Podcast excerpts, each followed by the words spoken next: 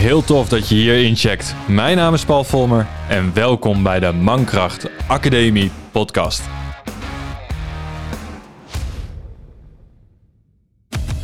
De plek voor echte verhalen over de reis naar de moderne mannelijkheid, verteld door die mannen die ze hebben geleefd. Verhalen over de uitdagingen waarmee mannen geconfronteerd worden, met inzichten, lessen, worstelingen en overwinningen die zij hebben ervaren op de weg naar zichzelf. Je vindt hier geen snelle trucs of open deuren, maar krijgt die kennis naar persoonlijk succes en mannelijke ontwikkeling. De vier kernelementen vormen de bakermat van wie wij zijn en deze podcast. En helpen jou die potentie, die ware, authentieke kracht eigen te maken.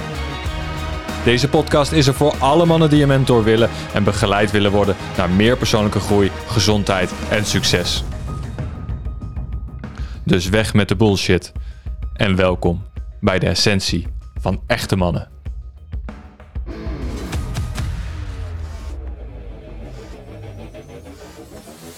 Hey man, tof dat je weer ingeschakeld bent bij een nieuwe aflevering van de Mankracht Academie podcast. En uh, in deze aflevering, uh, want het is weer dinsdag, ga ik in gesprek met iemand en we gaan het hebben over uh, kwetsbaarheid. Het is een onderwerp wat niet echt mannelijk gevonden wordt over het algemeen. Je kwetsbaar opstellen, dat over het algemeen doen we dat in mindere mate tot niet vanwege dat het niet mannelijk gevonden wordt. Want je leidt gezichtsverlies over het algemeen, denken we, als we ons kwetsbaar opstellen, als we laten zien wat ons raakt, als we onze gevoelens kunnen uiten, dan is dat een teken van onmacht in plaats van kracht. En dat is dan zeker hetgeen waar we het in deze aflevering over gaan hebben, over de kracht van kwetsbaarheid. Wat gebeurt er als je het wel uit? Wat gebeurt er als je het wel toelaat? En ja, dat is een fantastisch leuk gesprek geworden wat ik heb gehad met, uh, met Brian. Dus uh, geniet daar uh, zeker van zometeen en ontdek wat je zelf te doen hebt op het gebied van, van kwetsbaarheid. En of je het meer of in mindere mate er wat mee moet. Daarnaast hebben we ook een heel erg leuk gesprek gehad over um, mogen en moeten. En vooral het verschil daartussen en ja, wat de woorden betekenen voor, voor jou of voor mij. Of voor Brian in dit geval. En de andere manier om naar bepaalde woorden te kijken, welke lading ze ook op een andere manier kunnen hebben. Dus dat uh, komt er ook nog aan in deze uitzending. Maar heb je nou het idee dat je na het luisteren van deze aflevering denkt van hé, hey, er is iets wat ik met mijn kwetsbaarheid uh, te doen heb? Zo van ja, ik, ik, ik, durf me nog niet te laten gaan. Ik, ik durf niet me kwetsbaar op te stellen omdat je bang bent voor gezichtsverlies, dat, dat je niet als man gezien wordt, dan nodig ik je uit om wel je kwetsbaar te gaan opstellen, om het wel te laten zien en te horen aan anderen. En om dat te kunnen gaan doen, mag je ook meer in je kracht komen te staan, om dat te gaan accepteren en ook te laten blijken. En om, om dat te kunnen gaan doen, is bijvoorbeeld het mankracht initiatie target, het, het vizier waar je op de verschillende pijlers gaat kijken, hey, waar sta je? En meer en meer naar je mankrachtoptimalisatie kan gaan. Hè? Dus echt kan gaan verbinden met je hart, je kern en je lichaam. Als je namelijk daar in, in het hart van de roos kan schieten, dan is kwetsbaarheid een kracht in plaats van een zwakte. Dus als je na het luisteren van deze aflevering voelt en ervaart, denkt of ziet bij jezelf, hé, hey, ik heb hier wat te doen, dan nodig ik je uit om uh, zo'n mankracht initiatietarget in te gaan vullen en te kijken van op welke vlakken en welke kernelementen uh, mag jij je op gaan richten of moet je misschien wel op gaan richten uh, om die mankrachtoptimalisatie te krijgen, dus dat je ook de kracht van kwetsbaarheid kan gaan inzetten om je leven nog leuker te maken dan dat het waarschijnlijk op dit moment al is. En je hoorde me al zeggen, ik, maar ik gebruik af en toe het woord mogen of mag of moeten. Ehm, en het is allemaal met de beste intenties. En dat ga ik zo meteen ook uitleggen, want dat is een vraag die, uh, die zeker naar voren komt. Dus uh, ga lekker genieten van het gesprek wat ik heb met, met Brian over kwetsbaarheid. En uh, ga bij jezelf te raden, wat heb jij hier te doen? En eh, ja, wat is jouw dieper liggende betekenis achter het niet of wel uiten van je kwetsbaarheid? Dus uh, dankjewel alvast voor het luisteren. En uh, ik zie je graag bij een volgende aflevering, want dan is het weer vrijdag en dan doe ik, het, doe ik de aflevering weer alleen. Mocht je trouwens vragen hebben, want dat wil ik nog wel even zeggen. Mocht je vragen hebben en je zegt van hé, hey, er is iets waar ik echt oprecht antwoord op wil hebben, dan eh, kan je via de website een, eh, het vraagformulier invullen. Dan gaan we samen in gesprek. Dan mag je je vraag stellen, dan geef ik mijn zicht of mijn antwoord op jouw vraag. En zie het als een gratis coach sessie. Een gratis coach moment wat je kan, uh, kan krijgen. Het enige wat ik daarvoor terug zou willen van je is het feit dat ik het gesprek mag opnemen en dat ook kan plakken in de podcast. Want uh, als jij de vraag hebt, heeft iemand anders waarschijnlijk ook de vraag. En als ik jou een antwoord kan geven, helpen we daar met elkaar iemand anders ook mee. Dus het is een kwestie van hoeveel kunnen we geven aan de ander in plaats van wat kunnen we alleen maar nemen. Dus om die reden heb je een vraag en wil je daar antwoord op, dan, uh, dan geef ik jou het antwoord vanuit mijn perspectief. Dan heb jij er wat aan. En we kunnen samen geven door het te gaan delen in de show. Dus daar, uh, uh, dat, ja, die goedkeuring vraag ik dan ook aan je. Maar ja, voor nu, we gaan lekker luisteren naar de aflevering met, uh, met Brian. En uh, als onderwerp mannen en kwetsbaarheid. Dankjewel en tot vrijdag. Hey, superleuk dat je weer ingeschakeld bent bij een nieuwe dinsdagaflevering van de Mankracht Academie podcast. In uh, deze aflevering, uh, zoals je weet, gaan we weer in gesprek met een, met een gast. En dit keer is dat Brian de Bruin die tegenover mij zit. En we gaan een heel tof onderwerp aanhalen. De kracht van, van kwetsbaarheid. En dan vooral bij mannen. Ik heb Brian eigenlijk leren kennen via een, een oproep die ik had gedaan in, in de RUM groep. Uh, net als de aflevering van vorige week is dit gesprek eruit voortgekomen. En we kwamen eigenlijk al heel snel op dit, op dit onderwerp uit tijdens een voorgaand telefoongesprek wat we hadden. En dat was wel zo vaag, vaag, eigenlijk heel erg gaaf. Ik verspreek me gewoon. En ja, dat we hier gewoon een, een vervolg aan hebben gegeven. Dus hey Brian, superleuk dat je er bent, man. Ja, dankjewel, man. Ja, echt, ja, echt tof tof om hier te zijn. En uh, ook gewoon even ja, op pad te kunnen zijn, zeg maar. Dat is ook wel, uh, wel lekker. Even het huis uit. Even het huis uit. dus nee, echt, ja, ik heb er zin in. Ja, mooi, mooi. Ja, we, we kwamen heel snel op een onderwerp aan. ook tijdens het telefoongesprek, kwetsbaarheid. Maar voor we daar naartoe gaan, wil ik eigenlijk even aan je vragen, joh, um, wie is Brian? Hè, want, want we, eh, om, ik ga je een klein stukje verder zelf introduceren, want je, je werkt nog niet voor jezelf. Je bent in, in loondienst ergens. Dus mensen kunnen jou nog niet ergens van kennen, behalve via je vriendin, maar dat ga je zo vertellen, denk ik. En anders dan heb ik het nu aangekondigd. um, dus wie ben je en, uh, en wat doe je? Uh, nou ja, ik ben dus Brian. Uh, en ik ehm, Nee, ik uh, werk inderdaad uh, nog niet voor mezelf. Um, en je hoort het, uh, jij gebruikt het woordje nogal en ik gebruik hem zelf. het is wel iets wat ik, nou, wat ik wel verwacht dat op termijn gaat gebeuren. maar op dit moment ben ik in loondienst bij een instituut voor persoonlijke ontwikkeling. En, op het gebied van NLP. Ja, NLP, ja. het heet ook UNLP.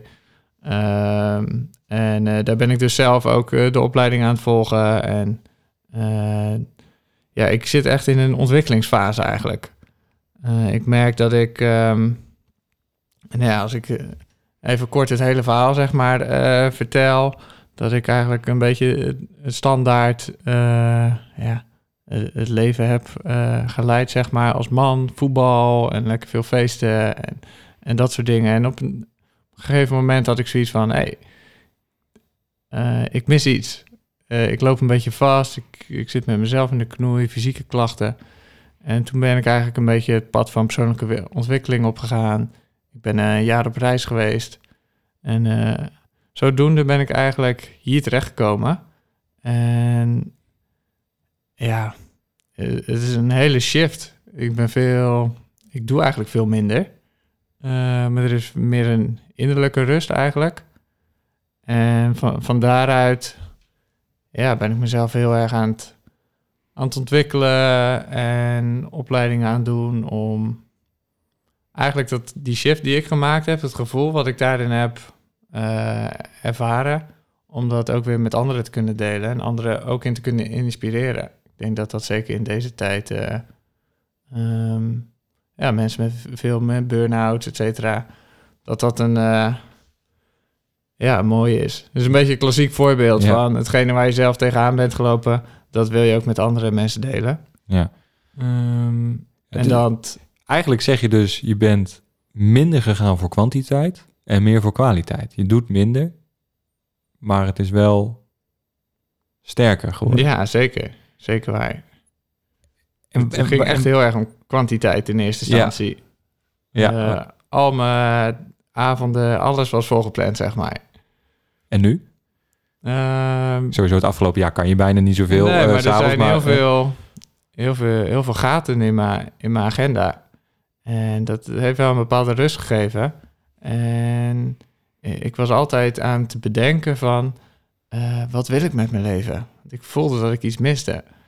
Ehm, maar ik was het heel hard aan het bedenken. Maar er was helemaal geen ruimte voor iets nieuws. En toen ik dus besloten heb om... eh, eigenlijk die dingen die ik aan het doen was... om die los te laten... zonder dat ik nog wist wat er dan zou komen... mhm. toen ontstond er ruimte om een podcast te luisteren, om een webinar over NLP te luisteren. Zo, zo is dat een beetje ontstaan, zeg maar. Ja, gaaf. Maar wat is hetgeen waar je naar zocht? Want je zegt, ik, er, was iets. Maar wat was dat dan hetgeen wat je miste, waardoor je dat pad opgegaan bent van, eh, van persoonlijke ontwikkeling? Ehm, ja, ik denk dat er eigenlijk twee dingen aan zitten. Eh, in eerste instantie eh, was er een onvrede.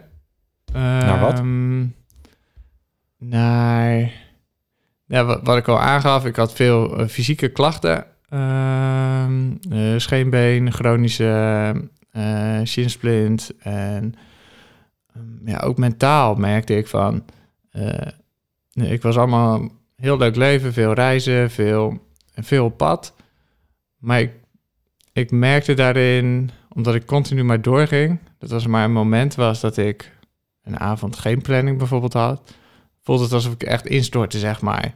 En dat ik dus ook mentaal eh, ja, neerslachtigheid en eh, dus het, het voelde alsof het heel erg pieken en dalen waren.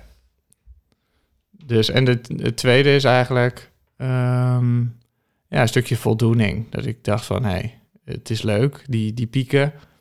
Ehm, maar ik heb elke keer meer nodig om die voldoening te kunnen halen. En dat heb je nu wel? Is dat Ja, wel zeker. wat je steeds meer ontvangt? Ja, ja, zeker wel. Terwijl, nou, wat je eigenlijk al zei, kwaliteit, kwantiteit. ehm, voor mijn gevoel doe ik minder. Ehm, zeker in eerste instantie. En nu komt er ook meer vanuit een... Ja, vanuit ontspanning. Dat ik dingen kan ondernemen. De kramp is eraf, wil je dat zeggen? Ja, En, en, zeker. nou, dat is een, hoor je mooie vaak, dat je de kramp... De kramp. Ja. Dat hoor je vaak. Wat was voor jou dan die kramp? Wat, wat maakte dat dat er was? Want we horen het geregeld. Heel veel mensen zeggen, ja, er was iets waardoor ik of in een burn-out terecht kwam... Of, of ik moest iets doen waar ik constant voor op mijn tenen moest lopen. Ik kon mezelf niet zijn. Eh, iedereen noemt dat kramp. Wat was dat voor jou? Ehm, ja, eigenlijk, eigenlijk hetzelfde inderdaad wel. Ehm, toch een, een druk die ik voelde. Ehm, een druk van buitenaf, een maatschappelijke druk, maar ook een interne eh, druk. Eh, eigenlijk mijn eigen, mijn eigen interne kritische stem en mijn projectie op, dus eh, de maatschappij. Eh, waarin ik voelde van, ja, ik, ik moet van alles. Echt, dat, dat woordje moet, dat, eh, dat is misschien wel een van de meest gebruikte woorden, zeg maar, in mijn vocabulaire. Kijk, ik vind het een heel mooi woord. Moeten. Ja, Ik, ik gebruik hem graag, want, eh, en dat zal ik even uitleggen, als je iets wilt, dan hangt daar automatisch een actie aan vast. En die actie moet je doen, anders dan kan je het willen niet creëren. Dus ik vind moeten vind ik een heel fijn woord als je hem maar op de juiste manier inzet. Mhm. Je moet koken, s'avonds. Ja, je moet je lichaam voeden. Je moet slapen, want zonder kan je niet. je moet geld hebben, anders dan kan je juist niet betalen. Je kan leuke, geen leuke dingen doen. En je vertelde net dat je heel tof weekend weg bent geweest. In hè, een weekend in een jurt hebt uh, geslapen en dat soort Mhm. dingen. Ja, daarvoor moet je wat doen om op een ander moment te kunnen ontvangen. Dus ik vind moeten vind ik eigenlijk een heel erg leuk woord. Maar het ligt eraan welke intentie Mm. eraan vasthangt. Ja, dat is wel mooi. Dat is ook wel het mooie van, eh, van taal. Eh, zeker nou, als we het dan over NLP bijvoorbeeld hebben. Dan, ehm, ja, de, de betekenis die je aan het woord eh, moeten geeft, of de, betekenis die jij eraan hebt gegeven, die. eh, eh, mijn interpretatie klinkt alsof die veel meer vanuit liefde komt dan vanuit een, een strengheid, zeg maar. En uiteindelijk denk ik dat dat het belangrijkste is. Dat uiteindelijk het woord, of, het, of je nu zegt moeten of willen, of eh, dat dat niet zo heel veel uitmaakt. Ehm, maar het klinkt alsof jij met een liefdevolle intentie, zeg maar, uitspreekt. Ja. En dat jij daar enthousiast van wordt, of dat jij erop aangaat van, oh, ik, ik moet eten. Eh, maar voor mij voelt het, als je dat zegt, dat er nog een, eh, een soort overkoepelende ehm, ja, zin of intentie eigenlijk bovenop zit. Van, ja, ik moet eten, eh, eten maken, want je wilt ge- eh, je goed voelen of je wilt ehm, een gezond lichaam hebben, zeg maar. Dus voor mij eh, klinkt het alsof daar altijd nog een soort hogere intentie aan zit. Ja, het is, het is een doel of een middel. Ja, En ik denk dat het moeten van iets een, een middel is om iets te verkrijgen. Dus er is altijd een, inderdaad een hoger doel. En, Je hoort geregeld mensen zeggen, ik mag hier dit, of mag hier naar kijken, of ik mag dat gaan doen. Of, en denk ja, als je iets mag, dat is heel mooi. Dat is een hele zachte, liefdevolle intentie naar jezelf dat je iets eh, kan gaan ondernemen. Bij mij komt hij dan altijd, komt hij vaak over dat ik denk van ja, zit daar dan wel genoeg kracht achter? Als je iets mag, hoeft het niet. En als je iets niet hoeft, heb je dan de, heb je, is dan je motivatie hoog genoeg om het daadwerkelijk te gaan doen? Dus hè, we hadden het hè, voor de, voordat de band aanging, heel oldschool gezegd, want alles gaat digitaal nu, eh, hadden we het over NLP en taal. En dat, dat daar heel veel kracht en, en, en wijsheid in ligt. En dit is er één van. Heel weinig mensen snappen wat ik bedoel met het woord moeten. Omdat er een negatieve lading op het woord zit. En ik begrijp dat echt niet. ik vind het heerlijk. Als ik iets moet, dan weet ik dat er iets tegenover staat. Als Ja. ik iets... Eh, en, en, en weet je, je, het is namelijk niet dat je iemand een cadeautje moet geven voor zijn verjaardag. Nee, dat doe je met de beste intenties. Nou ja, kunnen we volgens mij een podcast over vullen. nou, zeker, ja. Nou, ik, vind het, eh, ik vind het wel, eh, ja, wel, wel mooi inderdaad eh, wat je zegt. En dat je dus het woord moet ook gewoon als positief in kan zetten. En wat je ook al aanhaalt over het ik mag of het mogen van iets, zeg maar. Dat dat ehm, soms ook ehm, ja, een beetje een, een gebrek aan motivatie in kan houden, zeg maar. Dus ik denk dat dat met eigenlijk met beide, zeg maar, dat je mm, een soort van positieve kant van het woord hebt, eh, of je een positief inzet of een wat eh, negatievere lading eigenlijk. Ehm, want voor mij is ergens ook het eh, mezelf toestaan om iets te mogen, om het nog niet te moeten, omdat ik bijvoorbeeld snel in een strengheid of in een zelfafwijzing kan schieten, dan is het mogen geeft voor mij heel veel ruimte, waardoor ik het soms, soms juist wel in de actie kom. Maar ik, kan ook helemaal volgen wat jij aangeeft. Eh, dus voor mij denk ik dat het, eh, ja, ja, dat het altijd is de manier waarop je hem gebruikt. Ja, super interessant. Ja, leuk. Eigenlijk wil ik hier even op doorgaan. Wat je zegt is van als ik iets mag van mezelf, dan zet dat, kan dat aanzetten tot actie. Want dan stimuleer je jezelf op een liefdevolle manier, op een, op een zachte manier. hey, ga dat gewoon doen. Het kan. Zonder dat je een, een, een ja, stok achter de deur hebt of, of dat soort dingen. Kan je daar dieper op ingaan? Wat, wat is dat voor jou dat dat op sommige momenten gewoon echt werkt? Ehm, ja, dat komt eigenlijk dan, wil ik iets meer inzoomen op, het, eh, die zelfafwijzing of het, eh, wat, al iets eerder, wat we al eerder benoemden over het eh, niet goed genoeg en druk die ik mezelf bijvoorbeeld oplegde. Ehm, ja, als, ik echt met een, een kernovertuiging en ergens zit hier nog wel van dat ik niet, niet goed genoeg ben, maar hij is al zoveel afgezwakt. Het zijn alsof er gewoon meerdere stemmetjes zijn, zeg maar. Maar ergens zit hij zit nog wel. Um, en die was bij mij altijd zo sterk dat ik eigenlijk alles wat ik deed, um, ja, kwam daarvan daan. Ook mijn beginperiode van persoonlijke ontwikkeling. Uh, alles wat ik las of hoorde, dat moest ik doen. Want als ik dat deed, dan, dan zou ik goed zijn, zeg maar. en daar zat ja. zo'n, die, die kramp eigenlijk, waar die je net benoemde. Er zat zoveel kramp achter, waardoor ik dus eigenlijk in een uh, freeze uh, schoot. Dus dat ik gewoon bevroor. Um, of mezelf zo ver pushte, dat ik dan twee, drie weken later uh, me zo rot voelde dat ik het helemaal losliet. dus van, vandaar is um, zit er bij mij soms dus die, die lading op het woord moed. Omdat ik mezelf heel veel routines heb aangeleerd. Uh, die volgens persoonlijke ontwikkeling goed zouden zijn. Mm -hmm. um, maar dat ik daar uiteindelijk ook echt wel profijt van heb gehad. Maar ook bij merkte van, ja, ik ben dit zo vanuit mijn mind, ben ik aan het pushen. Op wilskracht ben ik dit aan het doen. Het is niet, niet gegrond, zeg maar. Het is niet sustainable. Ik kan het niet volhouden. En daar heb je ehm, ook weer moed voor nodig, maar dan met een D. Zeker, ja.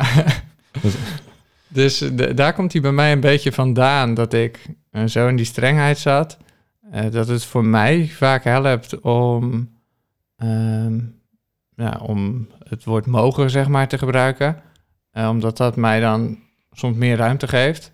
En dat ik meer vanuit gevoel kan bepalen van, ik doe iets wel of niet. Maar ik vind het eigenlijk, ja, uh, dat is juist een stukje waar ik zelf nu een beetje in een transitie zit. Van uh, eerst heel erg het pushen. Uh, eigenlijk nu steeds meer het loslaten, het mogen. Om ook weer het, het moeten, om echt die motivatie, die wil, waar jij het over hebt. Dat vind ik nog een, een moeilijke. Dus ik, de, ja, nou over kwetsbaarheid, gelijk gesproken. Ja. Dat zijn ergens wil ik dat helemaal niet zeggen. Want ik, ik wil zeggen dat ik het allemaal weet en dat ik het allemaal kan, zeg maar. Ergens zit dat. Absoluut, ja. Um, ik denk dat we dat allemaal wel Ja, precies. Ja. En, maar dat is wel een stuk waar ik nog, nou, nog in wil groeien. Dat vind ik ook wel mooi. Ik denk dat het ook wel normaal is dat je sommige dingen gewoon niet kan. We kunnen ook niet alles. En ja, hoe mooi is het dat je het ook gewoon kan benoemen. Weet je, dat je zegt, ik heb af en toe hè, vanuit die verkramping nodig dat ik mijn erkenning kan krijgen. Want dat is hetgeen wat je zoekt. Je zoekt de erkenning. En als ik mhm. iets mag van mezelf en ik doe het omdat ik het mag, dan erken ik een stukje in mij, zodat ik vanuit die vrijheid kan gaan ondernemen, kan gaan doen. Dus dat is wel heel tof hoe je dat, hoe je dat zegt. En, en beide kanten zijn oké. Het ligt eraan hoe je hem inzet. Mm Ja, want hoe is dat? Uh, uh, voor, voor jou. Ik weet niet of je dat al eens eerder in een podcast hebt benoemd, maar hoe je, um, ja, hoe jij eigenlijk op dat punt bent gekomen van dat je die moed op deze manier kan gebruiken, waardoor het echt een hele positieve, motiverende intentie voor jou heeft. Oh, die heb ik eigenlijk nog nooit zo benoemd. Dat is wel een mooie vraag trouwens. Um, mijn zoektocht is begonnen in. Even kijken ben een paar jaar geleden ben ik bij Michael eh, Pilacic geweest. Mm ook een één op één coaching met hem gehad. Uh, dat was uh, echt super confronterend ook. Uh, dat kan ik me heel goed voorstellen. Hij, hij, weet sommige vragen zo raak te stellen dat ik denk van oeh, oké, daar, daar durfde ik op dat moment ook geen eerlijk antwoord op te geven. Um, nu wel. En dat is eigenlijk gekomen doordat ik mezelf heb toegestaan om dingen te gaan zien bij mezelf. Dat heb ik heel erg lang afgesloten. Um, vroeger was ik heel zachtaardig. En niet dat ik nu echt een, echt een blok beton ben waar je niet doorheen kan, maar ik was echt, echt een doetje. Ehm, ik ben nu nog steeds spiritueel. Hè, het huis staat vol met stenen en dat soort dingen. Dat was vroeger, denk ik, meer dan nu. En op een gegeven moment toen ik in de bouw ging werken, kwam die muur daar. En toen, toen werd ik heel hard. En dankzij Michael Pilacic en, en de, de dingen die ik daar geleerd heb van hem, kon ik, hem, kon ik het om gaan buigen.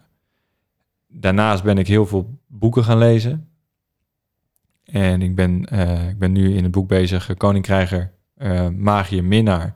Waarbij de vier archetypes naar voren komen, wat ik mega interessant vind. En daar komen allemaal podcasten over. Ehm, maar daarin ervaar ik dat als ik dat lees, dat sommige ehm, punten van erkenning die je zoekt, komen door hetgeen wat je is overkomen. En als je daar op een andere manier naar kan gaan kijken, door onderzoek te doen. En bijvoorbeeld, mijn, vader is een belangrijk thema in mijn leven, de band met mijn vader. Nou, daar is een aflevering over geweest, er komt er nog eentje, eentje aan. Maar sinds dat meer hersteld is, voel ik letterlijk de kracht dat ik weer meer mag moeten van mezelf.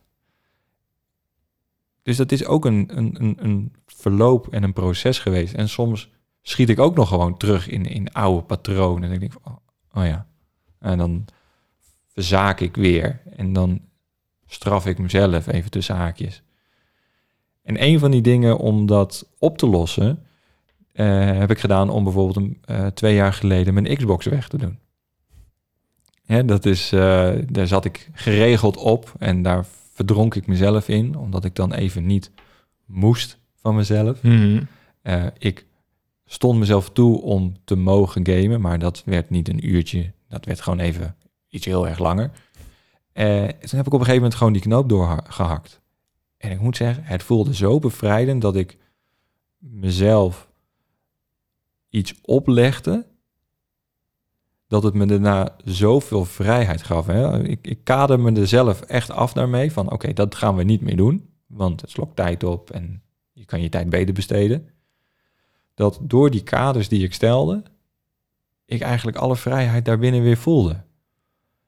En dat maakte dat daar ook weer iets klikte in dat moeten steeds positiever werd. Dus ja, dat is eigenlijk een beetje eh, mijn stuk. Mhm. Ja, dat is mooi. Uh, ja, mooi wat je om, uh, omschrijft. volgens mij zei in het begin hoorde ik je al het woordje toelaten ook, ook zeggen. Ja. Ehm, om volgens mij te, te, te voelen of te ervaren van dingen waar je tegenaan liep. Even mijn vrije vertaling. Um, dus ja, ik vond het wel mooi, want ehm, ook hoe je, hem, uh, hoe je hem uitlegt, het proces zeg maar, klinkt het alsof je eigenlijk, uh, net als uh, wat ik ook heb, um, ja, alsof het een beetje een, een golfbeweging is, zeg maar. Van de ene keer is het meer de, het, het, moeten en dan wat, meer mogen en want ik herken maar wat je zegt over je Xbox bijvoorbeeld. Zo heb ik ook dingen gehad. Um, qua Netflix of films kijken. En, oh, ja. Uh, nou ja, zo, zo zijn er best wel veel dingen eigenlijk. ik denk dat ook zeker heel veel, veel mannen uh, ja, zich in, in dat soort dingen gewoon uh, verliezen of gewoon... Maar het is ook een beetje de stereotype man, hè? Het is de stereotype man. We voetballen, nou generaliseer ik echt volledig. Hè? We voetballen, we jagen op vrouwen, we gaan stappen, we gamen, we drinken een kratje bier. En we houden van auto's. Nou oké, en ik ben dan ook nog eens een keer gaan motorrijden in de afgelopen paar jaar. Dus dat is, dus dat, um, dat, zijn, dat is een beetje stereotype man. Mm Vooral niet bij je gevoel komen. Um, terwijl dat gewoon een natuurlijk proces is. Als we dat afsluiten, dan sluiten we iets van onszelf af.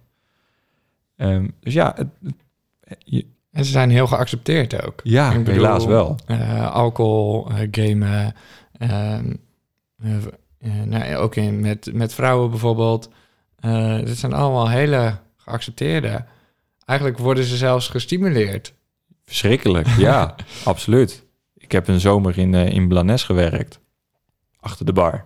Ik werk, nou, verkeer geen eh, vakantie op een standaard manier. Nou, ik werd daar gewoon echt gestimuleerd om een rokkenjager te, eh, te zijn. Nou was ik dat ook op dat moment in het, op dat punt van mijn leven was ik het ook. Dus dat eh, Goed getimed. was goed getimed. maar ik ben daar bijvoorbeeld wel weggegaan, vroegtijdig, omdat er in één keer een gigantische pak drugs op tafel lag.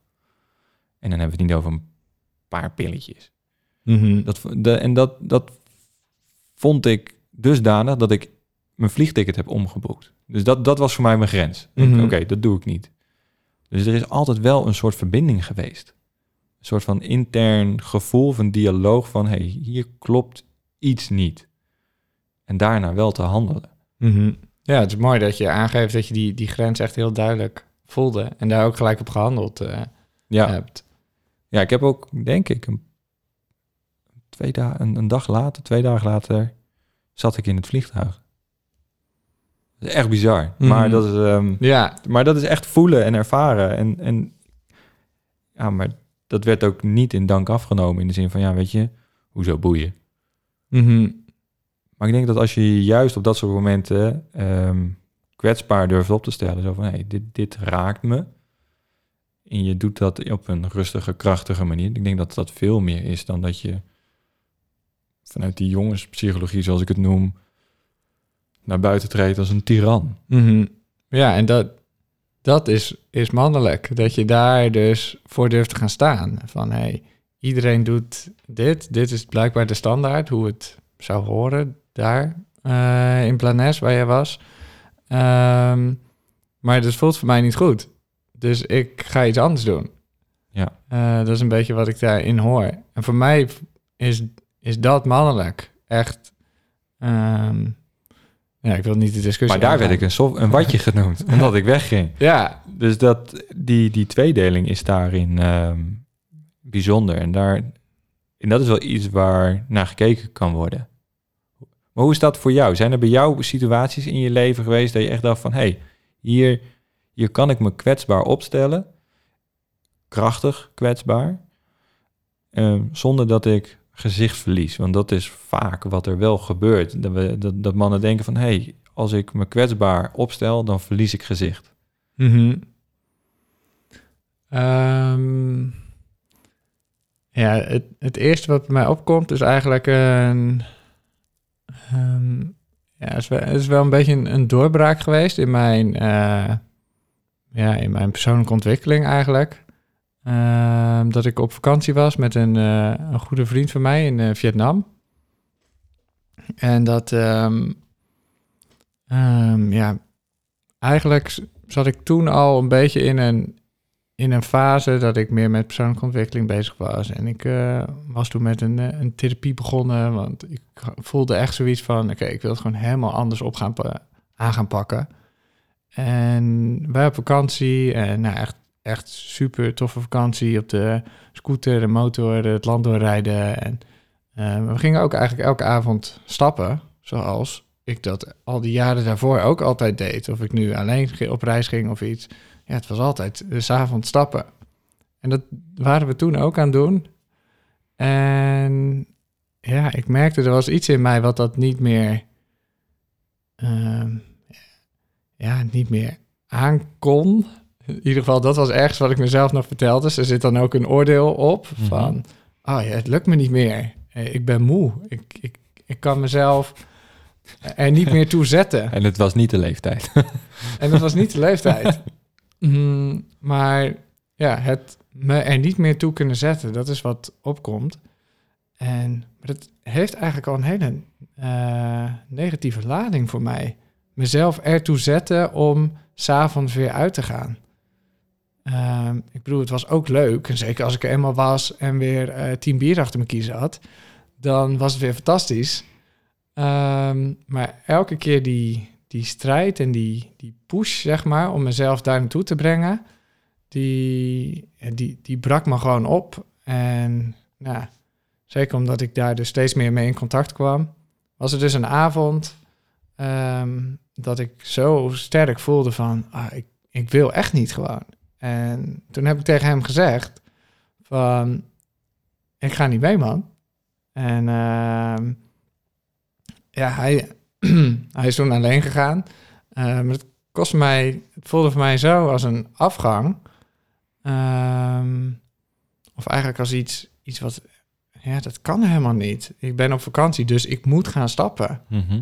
Ehm, en dan, dan denk ik dat misschien mijn, mijn eigen oordeel misschien nog wel sterker daarop was dan dat ik bang was dat hij het erg zou vinden. Maar dat speelde ook nog mee. Eh, Maar wat Ja. maakt het dat je dan uiteindelijk wel die, wel die keuze hebt gemaakt om bij jezelf te blijven? ja. Want Mm, ik, ik hoor je zeggen, ja, weet je, zijn oordeel, mijn eigen oordeel.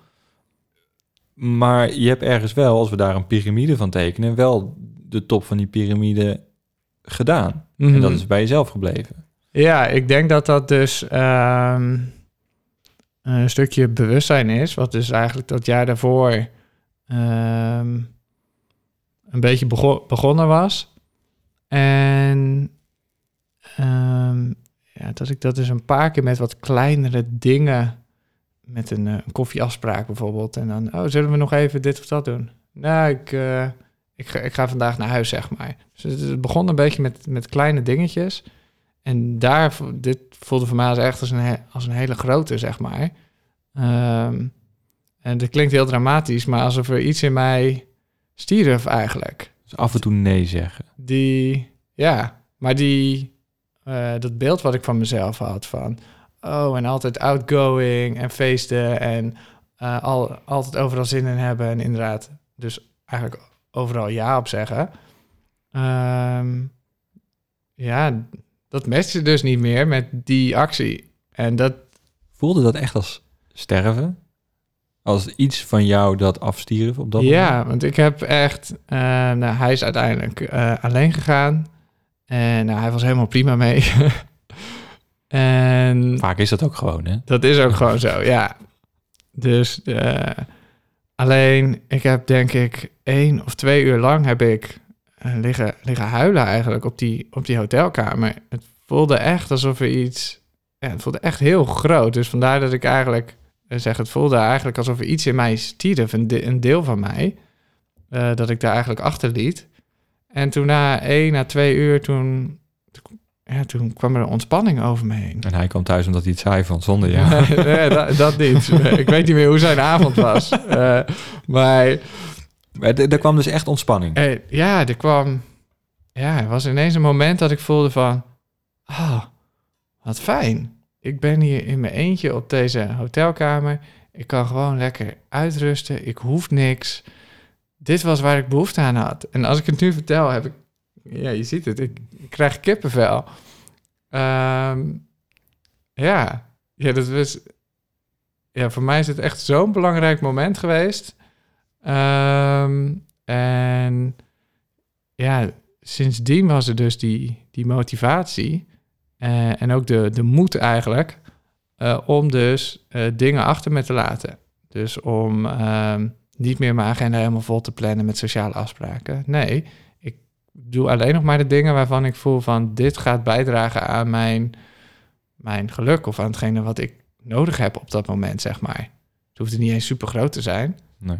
Ehm, dus dat was eigenlijk een, een, een eerste stap van mijn, van mijn shift, zeg maar. Ja. Dan praat ik over drie, vier jaar geleden. Ja. Dus dan hebben we het eigenlijk ook weer over kaders. Je zei door een kader te stellen nee te- op dit moment tegen, tegen je maatje. Maar daardoor kwam er vrijheid. Mhm. Grappig dat het woord nee eigenlijk zoveel ruimte kan scheppen. Ja, heel veel, heel veel ruimte. Ja, en het voelt voor mij eigenlijk wat je zegt van... eh, en dus eh, dan ook zo'n... Een beetje zo'n standaard quote, zeg maar. Als je nee tegen de ander zegt, eh, zeg je ja tegen jezelf. En ik bedoel... Ik kan geen viooltje laten afspelen. Nee, ja, maar die had er heel mooi onder gepast. ja, maar ja, ergens, ergens was dat wel zo. Mhm. Ehm, en ik merk, ehm, ja, ja, voor- ja, voor mij heeft dat gewoon zo'n verschil gemaakt. En ben ik eigenlijk van daaruit eh, ook steeds meer die, die kwetsbaarheid, ben ik eigenlijk meer aan, ja, meer gaan ontwikkelen en mezelf toegestaan. Dus om, oké, zeg, zeg maar een keer nee. Of eh, vol, eh, volg je gevoel maar. En ja, om dan gewoon te volgen wat daaruit ontstaat. Merk je dat als, toen jij... Ik weet niet of de luisteraars het gehoord hebben. Er ging een deur dicht. En niet dat een van ons een keiharde scheet Mhm. aan het laten was. Maar er ging een deur dicht. Nens kwam thuis. Ehm, maar nu jij zelf meer voor jezelf kiest. Op, hè, je hebt gezegd dat dat was een moment en dat, dat ik het echt voelde.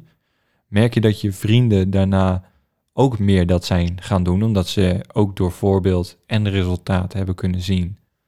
Dat het makkelijker is om uiteindelijk voor jezelf een keer een knoop door te hakken, een keer nee te zeggen, een, een kadering te plaatsen. Zie je dat bij ze? Mm, oh, dat is wel eh, een goede vraag. Ehm, Dan moet je hele eh, vriendenlijst door, hè? ja.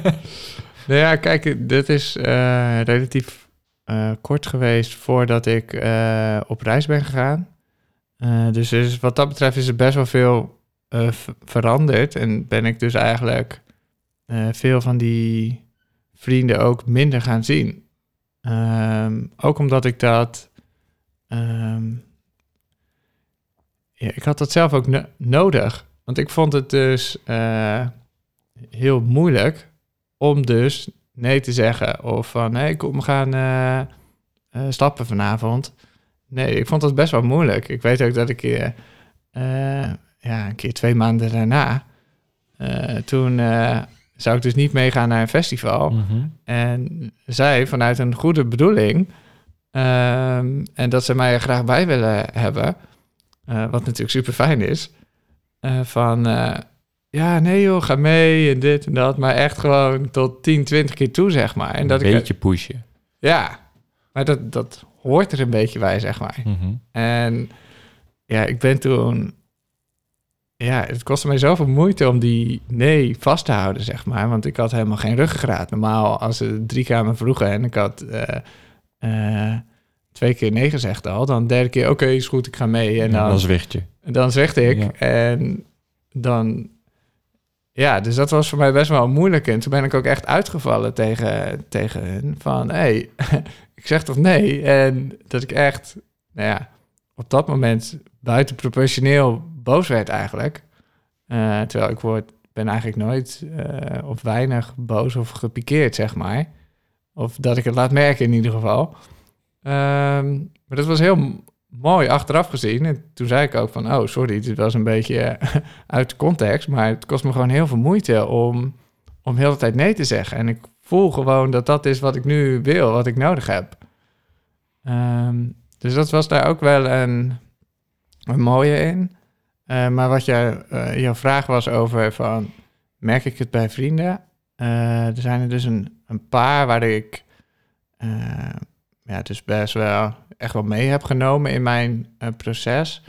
En daar merkte ik dus eigenlijk dat zij waren daar nog niet. En ik merk nu bij, bij sommigen. ehm, nou, het, het klinkt trouwens net alsof ik dan een soort van verder ben, maar zij zaten gewoon op een ander stuk. Iedereen heeft zijn eigen tempo, hè? Dus nou, dat, precies. Ja, en dat ik dus bij een paar eh, eh, vrienden merk die, die nu iets meer in een eh, fase of een struggling zitten waar ik toen in zat, merk ik dat er, ja, zie ik nu wel dingen, maar op dat moment was, dat, was dat anders. Zij bleven gewoon doorgaan met hun leven. En wat ik zeg, ik ben kort daarna ben ik ook op reis gegaan. Toen ben ik naar Utrecht verhuisd. En ehm, dus dat contact is minder intensief dan dat dat toen was. En ik heb dat ook nodig gehad om me echt los te maken eh, met de verhuizing en de reis. Om echt, eh, ja, het is niet dat ik het, het afstoot. Eh, ik ben twee of een paar weken geleden ben ik nog met een paar van die vrienden geweest en het was super gezellig weer.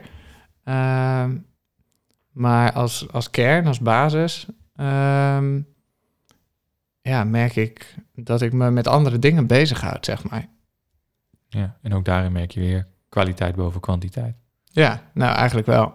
Ja. Ja, En dat je uitvloog, hè, zoals je het zei, is eigenlijk ook heel normaal. Want je wordt niet erkend in hetgeen, eigenlijk de keuze die je, die je wil maken en die je hebt gemaakt. En dan schiet je toch weer in een soort van schaduwkant van, ja, hetgeen wat je eigenlijk wil gaan doen, omdat dat een, een oud patroon is. Je wordt niet erkend, dus je schiet in iets om maar te laten zien dat het daadwerkelijk wel waar is wat je gaat doen. Ben je daar voor streng voor jezelf geweest toen dat gebeurde? Ehm, ja, en ik heb soms nog steeds wel dat ik denk van... eh, oh, ik ben echt een slechte vriend. Dat ik er nu minder, minder bij ben. Of dat ik eh, eh, ja, een, een ander pad aan het bewandelen ben, zeg maar. Oh ja, dat maak je echt heel erg slecht. Ja. dus, maar ik, ik kan het ook wel steeds meer... ehm, kan het wel steeds meer loslaten. Waar komt dat vandaan? Want ik, eigenlijk zeg je daarmee van ik spiegel mijn, mijn eigen waarde aan de waarde van een ander die hij over mij heeft. Mhm. Wat, wat maakt dat, dat, dat daar nog een, een stuk zit? Want dat, eigenlijk leg je nu iets, iets heel erg bloot wat intern gebeurt. Ja, en het is wa- wat je zegt, het is sowieso iets wat intern gebeurt. En van sommige dingen zullen zij zich niet eens bewust zijn. Ehm, ja, ik kan er nog niet zo de, de vinger op leggen waar dat, eh, eh, waar dat precies eh, vandaan komt. Ehm, en dat is wel grappig, komt eigenlijk ook weer dat stukje terug over het, het pushen of het iets meer loslaten, zeg maar. Dat ik dus echt, ehm, dus nou, de afgelopen jaren gewoon heel erg mezelf gepusht heb in routines. En oh, ik, ik moet uitvinden wat er mis met me is of niet goed is, zeg maar. Ehm, en dat ik dus met dit soort vragen ja, helemaal vast kon lopen en denken, oh, wat, wat is dat dan en wat moet ik? Ehm, ik, ik moet dit uitdokteren, zeg maar. Ehm, en Maar is het omdat je een voorbeeld hebt gemist die dat ook kon? Want als, ik, als we een beetje kijken naar de samenleving, naar de maatschappij, ehm, er wordt ook maar wat van ons verwacht als man. We moeten maar. ehm, vaderloze huizen over het algemeen, of veel. Eh, waardoor we dus ook een voorbeeld niet, niet hebben van hey, hoe, hoe werkt iets. Dus we worden opgevoed grotendeels in een vrouwenomgeving. Juffen eh, die jongens op een jonge leeftijd man proberen te maken. Terwijl ze in een kringetje Kumbaya moeten gaan zingen. Terwijl jongens eigenlijk liever buiten aan de ravotten zijn. Ehm, kijk, wat ik erin hoor, en dat is iets wat ik heel vaak ook zeg, is van we missen daarin een mannelijk aspect. We, we missen die mannelijke energie. Kijk, dat we meer in overgave zouden moeten gaan leven om dichter bij onszelf te komen, is wel een vrouwenkwaliteit. Overgave. Maar omdat we daarin zijn opgevoed, is dat ook het enige wat we eigenlijk kennen. Dus jezelf pushen tot iets, laat je ook kennis maken met je eigen identiteit eigenlijk als man. Mhm. En dat dat afschrikt, dat zou kunnen op sommige momenten. Om, ja, dat voorbeeld heb je nooit gehad. Of weinig gehad. Want hè, de, ik weet niet, heb jij eh, meesters gehad op de basisschool? Eh, nee, eigenlijk niet. Ja, nou, ik, ik gelukkig twee. En op de middelbare school komen er dan wat, wat volwassen mannen die je richting gaan geven op school en dat soort dingen. Ehm, maar ja, dat, dat gebeurt wel, dat we in zo'n feministische samenleving zitten, dat we daar ook eigenlijk alleen nog maar naartoe kunnen. Mhm. Ja, het voelt... ehm, eh, want ik herken inderdaad wel eh, wat je zegt. En ik geloof ook wel dat er... ehm, ook in mijn gezin van herkomst... Mijn ouders zijn gescheiden. En dus ik ben wat dat betreft veel met mijn moeder opgegroeid. Eh, ik, ik was altijd enigskind. Eh, dus dat is wel de klassieke, klassiek voorbeeld, zeg maar. Mijn moeder is ook nog juf. Oh, zo, Eh, oké. een, eh, ik noem ze allemaal wel op. hè? ja, precies. Ehm, dus nee, ik geloof ook zeker wel dat daar, ehm, eh, nog los van de samenleving, wat je ook al benoemt, ehm, ja, dat dat, dat, dat zeker wel, wel meespeelt. En dat ik inderdaad ook met, met het pushen, zeg maar, Mhm. Dat dat. Ehm, en ehm, wat je zegt, dat je zo je identiteit ook. ehm, ja, kan ontdekken, zeg maar. Ik denk ook dat die hele struggle, dat die ook goed is. Dat die ook nodig is en dat dat ook eh, mij ook vormt, zeg maar. En ik denk dat juist het heel belangrijk is eh, om het allebei, eh, eigenlijk van en het mannelijke en het vrouwelijke, de, het gezonde heel erg te integreren, zeg maar. Ehm, waarin het, het, het, over kunnen geven, het, het mogen, zeg maar, om daar Mhm. weer op, op terug te grijpen. Dat dat dan meer de, de gevoelige, de, de vrouwelijke kant is. Even heel gechargeerd. Ehm, Heel gecengeerd.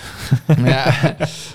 en, ehm, en vanuit het mannelijke meer inderdaad die, die richting, die daadkracht. En ja, nee, ik denk inderdaad zeker wel qua, qua voorbeelden ook. ehm, dat ik mm, ja, ook die, die meer gevoelige kant, die ik ook heel erg in me, in me heb, eh, juist ook.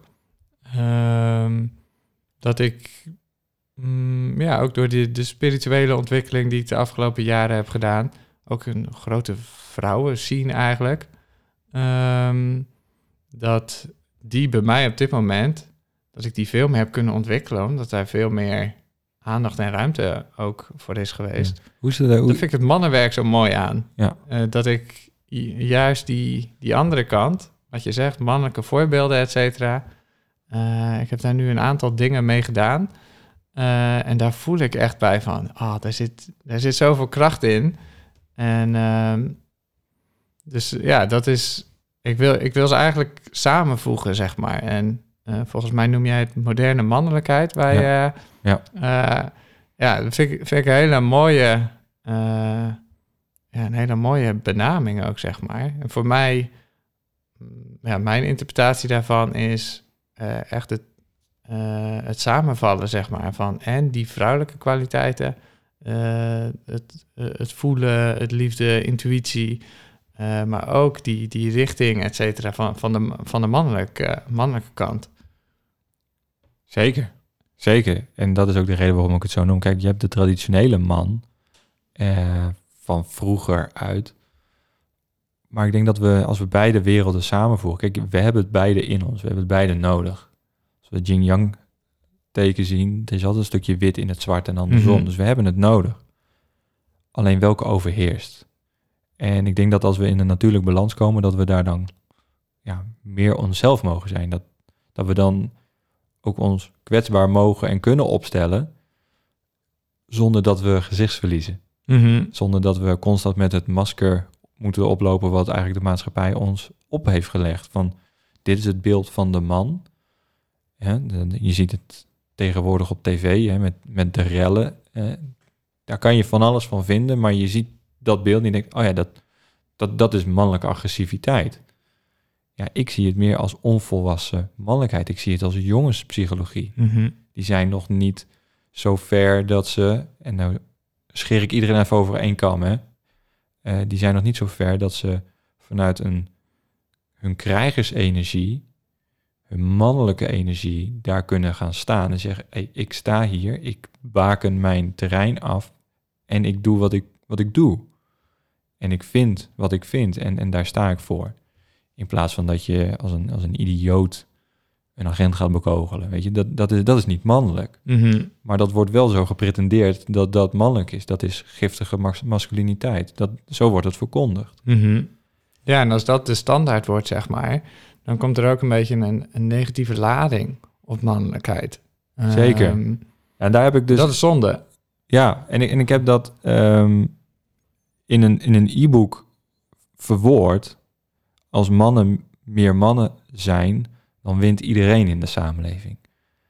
En het feit dat we dus eh, jongens, jongens laten en dus niet de transitie overzetten naar man zijn, houden we altijd die onvolwassen mannelijkheid. En als we dat dan voor waarheid aanzien, ontstaat er ook een, een angstcultuur op mannelijkheid. Maar dat is jongensstuk. Dat is jongenspsychologie. Dus dat, dat e-book is eigenlijk een uitnodiging, zowel naar mannen om meer zichzelf te gaan worden, de zoektocht naar zichzelf te vinden, door initiatie, eh, door een, een, een veilige ruimte te creëren. Wat nou, heb jij ook gehad met, met mannenwerk.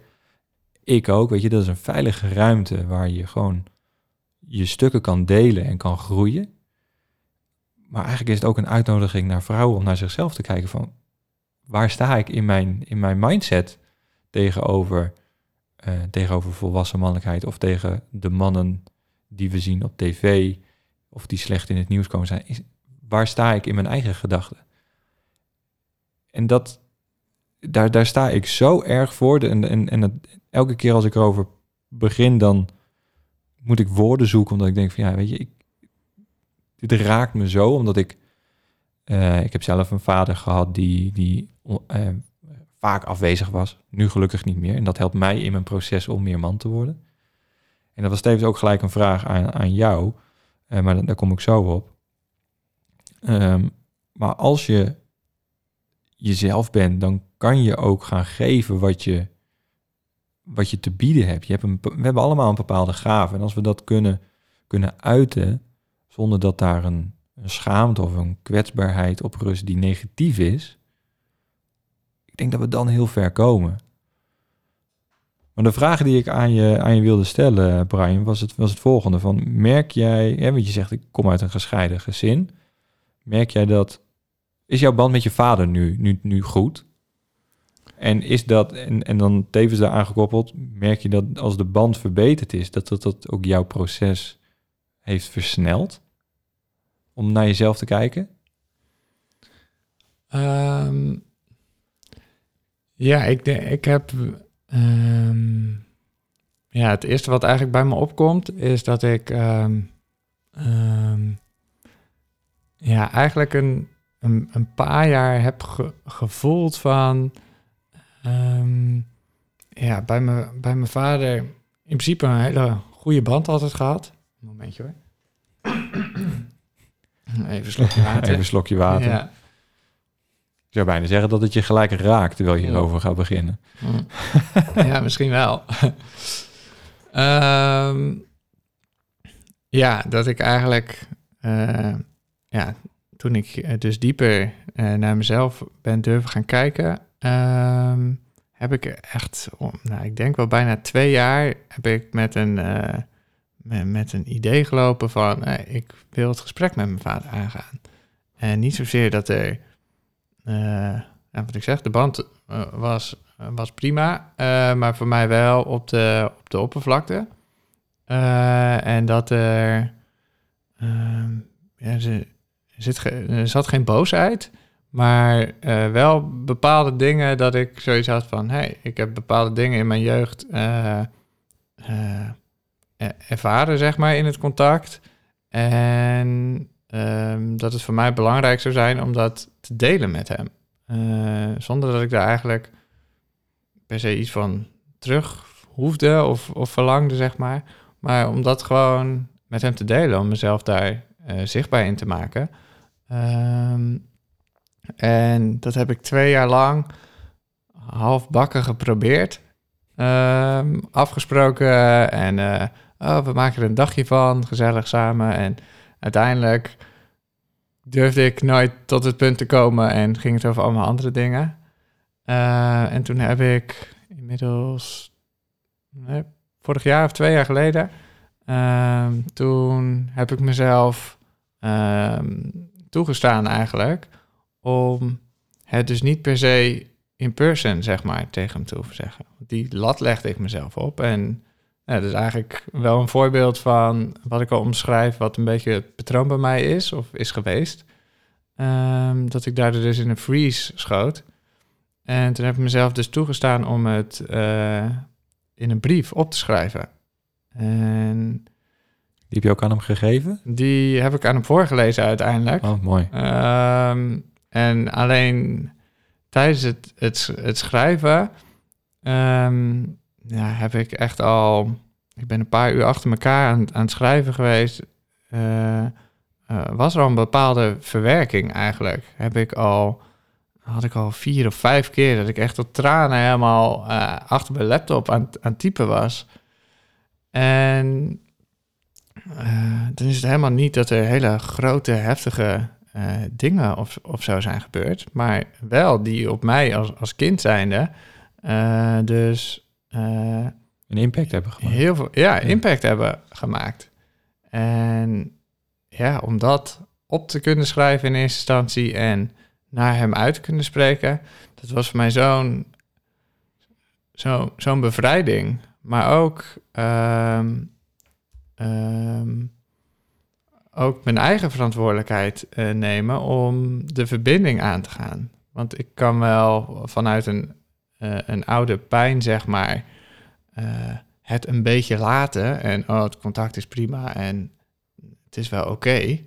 Ehm, maar doordat ik deze beweging maakte, zeg maar, om, eh, om mezelf te laten zien, ehm, ja, kon hij het ook zien, zeg maar. Ik bedoel, ehm, dus het was, het was, ja, het was heel mooi. We waren eigenlijk allebei in, in, in tranen geroerd. Want het was echt, echt verbinding op een, op een dieper level, zeg maar. Konden we daar dat, die verbinding maken.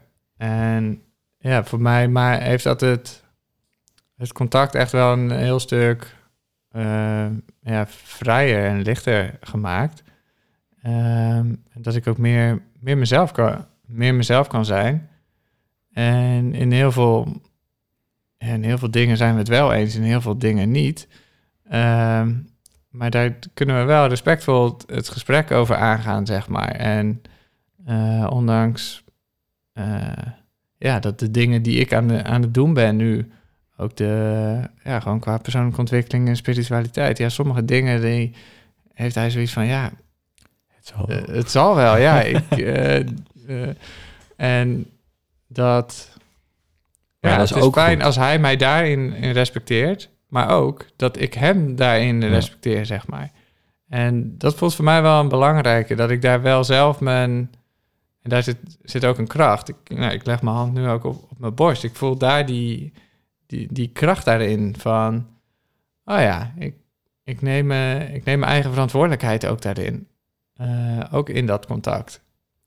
Ja, en ook hierin was dus weer zichtbaar eigenlijk dat je vader zei van, ja, met open armen, wat, wat mooi. Dus door je kwetsbaar op te stellen, ontstaat er weer iets heel moois. Nou ja, inderdaad. En dat, dat zie, zie ik eigenlijk steeds vaker, vaker terugkomen. Eh, nou, ook, ook, in, ook in mijn relatie. eh, dat ik echt merk van... Ja, die, die kwetsbaarheid, daar komt elke keer... Het is soms lastig. Ik bedoel, het kan allemaal emoties of dingen met zich meebrengen. Maar die, die open en eerlijkheid, dat geeft mij, geeft me zoveel ruimte. En eh, zeker als ik dat, nou, in het geval van mijn relatie, dat we dat allebei op zo'n diep level ehm, gewoon zo radicaal eerlijk met elkaar kunnen zijn. Ehm, Lekker is dat, hè? dat is, ja, dat is zo fijn. Je hebt, ik zeg niet dat er nooit meer iets, iets sluimert of opstapelt, maar bijna niet. Omdat, ehm, ja, waar ik vroeger misschien zou zeggen of eh, van, ja, je gaat hier toch niet over zeuren? Nee, maar er wordt nu iets aangeraakt. En dan kan ik gewoon vanuit mezelf zeggen, hey, dat jij dit nu zegt, dat, eh, dat, dat raakt me of dat doet iets met me. Zonder dat ik dan zeg, oh, jij bent slecht. Ja. Nee, dit, dit raakt me en ik, ik deel dit even. Ehm, en dan hoeft het ook niet groot te worden. Vaak eh, vloeit het dan gelijk alweer weg. Ja.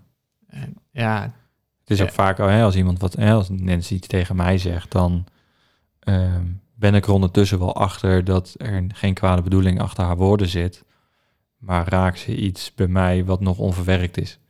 ja, precies. En als je daar dan naar gaat kijken en je, mag, en je gaat het onderzoeken en je doet er wat mee, dat dat stuk dan geheeld wordt. En daarna hoeft het ook niet meer een stuk te zijn waarin je geraakt wordt of dat het tussen, tussen ons in gaat staan. Mhm. En dat is wel het, het, het mooie. ehm, wij zijn nu vijf, zes jaar samen. Vijf jaar. Wij zijn voor elkaar zo'n zo'n harde spiegel. Ehm, liefdevolle spiegel. Dat het, dat, dat het zo leuk is om, om met elkaar te sparren. Mhm. Om, om, wij kunnen ook gewoon, eh, als we naar de sauna gaan of we waren laatst in een hotel eh, een weekendje, dan kunnen we het gewoon echt ergens over hebben. En dan is het ook allemaal oké. Terwijl we af en toe gewoon glashard zijn. Maar ja, dat, dat, dat helpt je wel verder. Mhm. en, en dat is denk ik wat we ja, toch meer, nou ga ik hem echt gebruiken, specifiek mogen gaan doen. Vanuit die zachtheid naar elkaar treden. Dat dat het wel echt is. Ja. Ja, zeker. En eh, ja, ja, wat, wat nog, eh, nog bij me opkomt is... ehm, ehm, ja, dat ik dus ook in dat, eh, in dat contact is eigenlijk ook als een, als een soort spier, zeg maar, die, die je traint. Waar in het begin het echt nog wel, ja, dat we eh, of de een of de ander, of allebei tegelijkertijd, zo in, in oude pijnstukken geraakt werden, dat het soms, eh, ja, dat er ook echt wel momenten waren dat we dachten, ja, we komen in zoveel stukken terecht. Is, is dit het wel? Ehm, Ja, ging je twijfelen aan je relatie?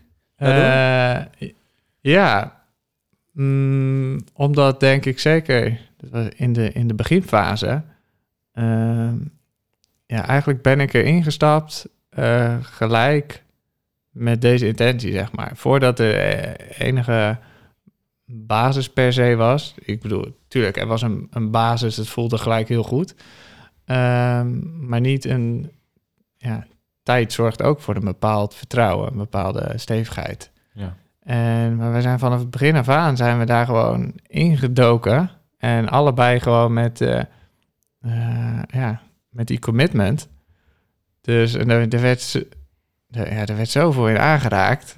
En als ik dan nu kijk, hebben we zoveel stappen ge- gezet. ehm, samen. Maar ook juist individueel. Omdat eh, niets hoeft verborgen te blijven. En alles mag er zijn met alle eh, lastige gevoelens, emoties, wat daar dan ook, ook bij komt. En Ja, relatie is ook echt werken. het is zeker, Ja. zeker werken, ja. Tegenwoordig is wel een beetje de hype om te swappen, te swipen en te second loffen. Dus dat, eh, misschien moeten we dat ook maar gewoon mee kappen. Met z'n allen. Je moet er gewoon echt voor werken. En ik denk dat dat... Dat kan alleen dat als je je kwetsbaar opstelt. Want anders heb je gewoon... Ja, dan heb je je harnas aan en dan trek je ter strijde. Mhm. Maar niet met, met het juiste hart wat de strijder doet. Vechten voor iets. Ja, ja, en het zijn al die kleine momentjes van... En ik denk dat dat zeker voor mannen, zeg maar. En ja, daarom is dat ook het thema, mannen en, en kwetsbaarheid.